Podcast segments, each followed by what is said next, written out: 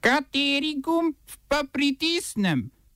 Tisti, na katerem piše OF. November je. Za leto 2015 pa nažalost še o tem ne morem govoriti. Pa bo več denarja za to? Nažalost o tem še ne morem govoriti. Zakaj pa je to nerealno, recimo v letu 2014? Zaradi tega, ker je november. November je, ne. Se sredstvo ne da nekako prek... Ne, ne, ne, ne da se delati. November je.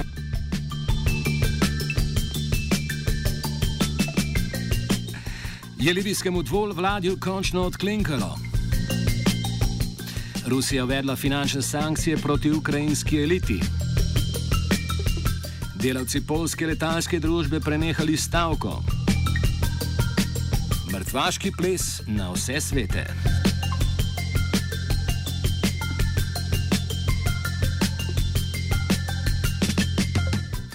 London in Bruselj naj bi dosegla dogovor o finančnih storitvah po brexitu. Vsebina dogovora po poročanju časnika The Times predvideva prost dostop britanskih ponudnikov finančnih storitev do evropskega trga, dokler bodo britanski zakonodajni okviri primerljivi evropskim.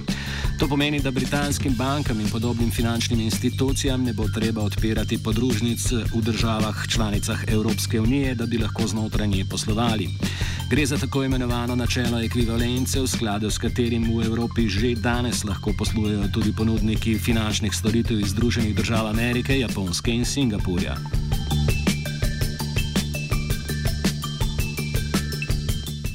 Zbliževanje poteka tudi južneje. V Libiji sta rivalski vladi iz Tripolija in Tobruka dosegli nov dogovor. Gre za novo sestavo predsedniškega sveta, ki ga je kot organ vzpostavil dogovor o vladi narodne enotnosti pod pokroviteljstvom Združenih narodov iz leta 2016. Predsedniški svet, ki so ga do sedaj sestavljali predsednik, pet namestnikov in trije predsedniki vlade, naj bi po novem imel le predsednika, dva namestnika in enega premijeja. Predlagana vlada narodne enotnosti sicer v Libiji nikoli ni zaživela. Najprej jo je kritizirala mednarodno priznana oblast iz Tripolija, v zadnjem času pa so jo bojkotirale oblasti iz Tobruka, ki so trdile, da ima organ preveč članov, kar onemogoča konsens.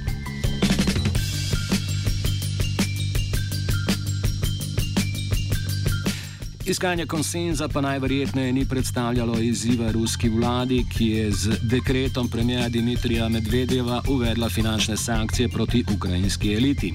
Gre za zamrznitev v Rusiji shranjenega premoženja približno 300 ukrajinskim politikom in visokim državnim uradnikom. Poleg tega je na seznamu sankcioniranih tudi slabih 70 gospodarskih subjektov v ukrajinski lasti. Med sankcioniranimi tako najdemo nekdanjo premijejko Julijo Timošenko, sina ukrajinskega predsednika Petra Porošenka in največjo ukrajinsko rodarsko družbo Ferexpo. Gre za ruski odgovor na podobno potezo strani ukrajinskih oblasti.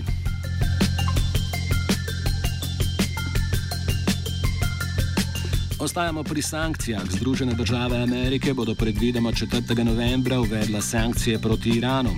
Vsaki državi, ki bo po ponovno, ponovni uvedbi sankcij iz Irana uvažala nafto, bi ZDA omogočile dostop do svojih finančnih storitev. No, skoraj vsaki. Po poročanju iranske press TV naj bi se za izjemo dogovori, dogovorila Indija. Ta naj bi v dogovoru z ZDA uvoz iranske nafte zgolj omejila za tretjino. Indija je v letih 2017 in 2018 uvozila za 22 milijonov ton surove nafte.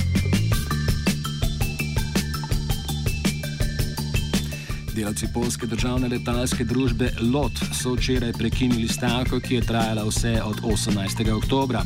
Povod za stavko so bile spremenjene pogodbe o zaposlitvi in odpustitev glavne sindikalistke Stevardese Monike Zelazik.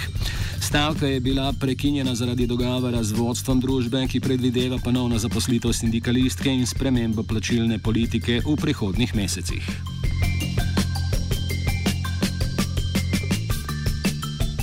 Etiopski predsednik vlade Abi Ahmed nadaljuje z reformatorskimi prizadevanji. Potem, ko je prejšnji teden imenoval prvo žensko predsednico države in spolno ravnotežil vladni kabinet, je zdaj tudi na čelo vrhovnega sodišča postavil žensko. Predsednica vrhovnega sodišča je tako postala Meza Šenafi, ki je do Himal eh, službovala kot svetovalka za ženske pravice v Združenih narodih. Ahmed s spolnim uravnoteženjem nadaljuje tudi splošno pacifistično misijo Etiopije, ki je konec julija zakopala bojno sekiro s sosednjo Eritrejo, prav tako pa je oktobra sklenila mirovni sporazum z uporniško skupino Nacionalna fronta Ogaden. V okviru prevratov vladnega kabineta je Ahmed ustanovil tudi novo ministrstvo za mir, na čelo katerega je postavil, uganili ste, žensko.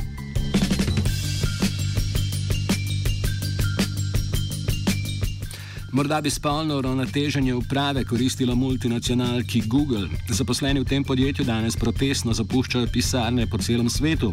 Protestni odhodi z delovnih mest so se začeli v Tokiu, nadaljevali pa so se tudi v Singapurju, Cirihu in Londonu.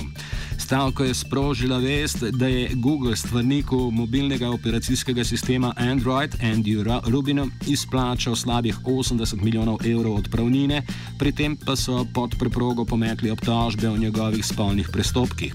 Rubin je bil namreč domnevno z Google odpuščen zaradi več očitkov spolnega nadlegovanja na delovnem mestu. Of je pripravil Zupan.